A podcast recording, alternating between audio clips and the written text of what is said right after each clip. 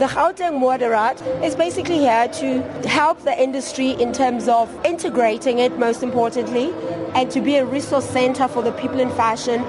Whatever you do in fashion, whether you're a designer or a stylist, as long as you are making an economic contribution to fashion, you should be a part of the council.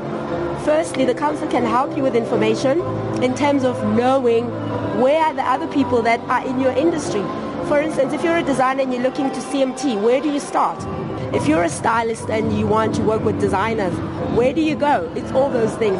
So that's what the Fashion Council is here to do, to create opportunities and to maximize what's here. Waarvoor staan die raad en watter tipe werk doen dit?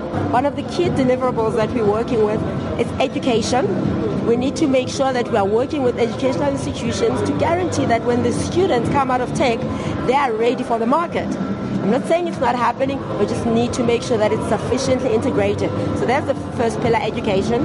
The second one is market access.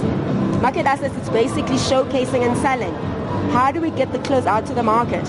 Get the clothes out to the market by using various platforms like Fashion Week, and then we will take it a step further and negotiate them deals and buyers so people can buy the clothes. It's not enough to showcase.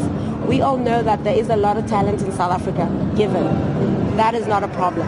However, we need now to turn the talent into an economic reality that improves and uplifts people's lives. And then the third one is uh, manufacturing. Manufacturing has been neglected over the years for various reasons. However, it is quite clear that we need to go back to manufacturing for ourselves in Gauteng. We did it before and we can do it again.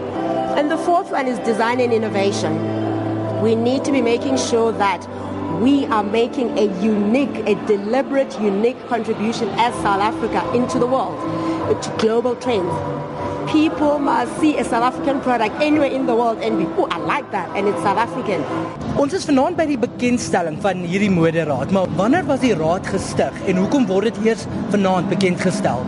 We are launching tonight the Gauteng Fashion Council, which was registered officially in April last year. It took 11 years to get here. As you can imagine, you're talking Gauteng, lots of complexities.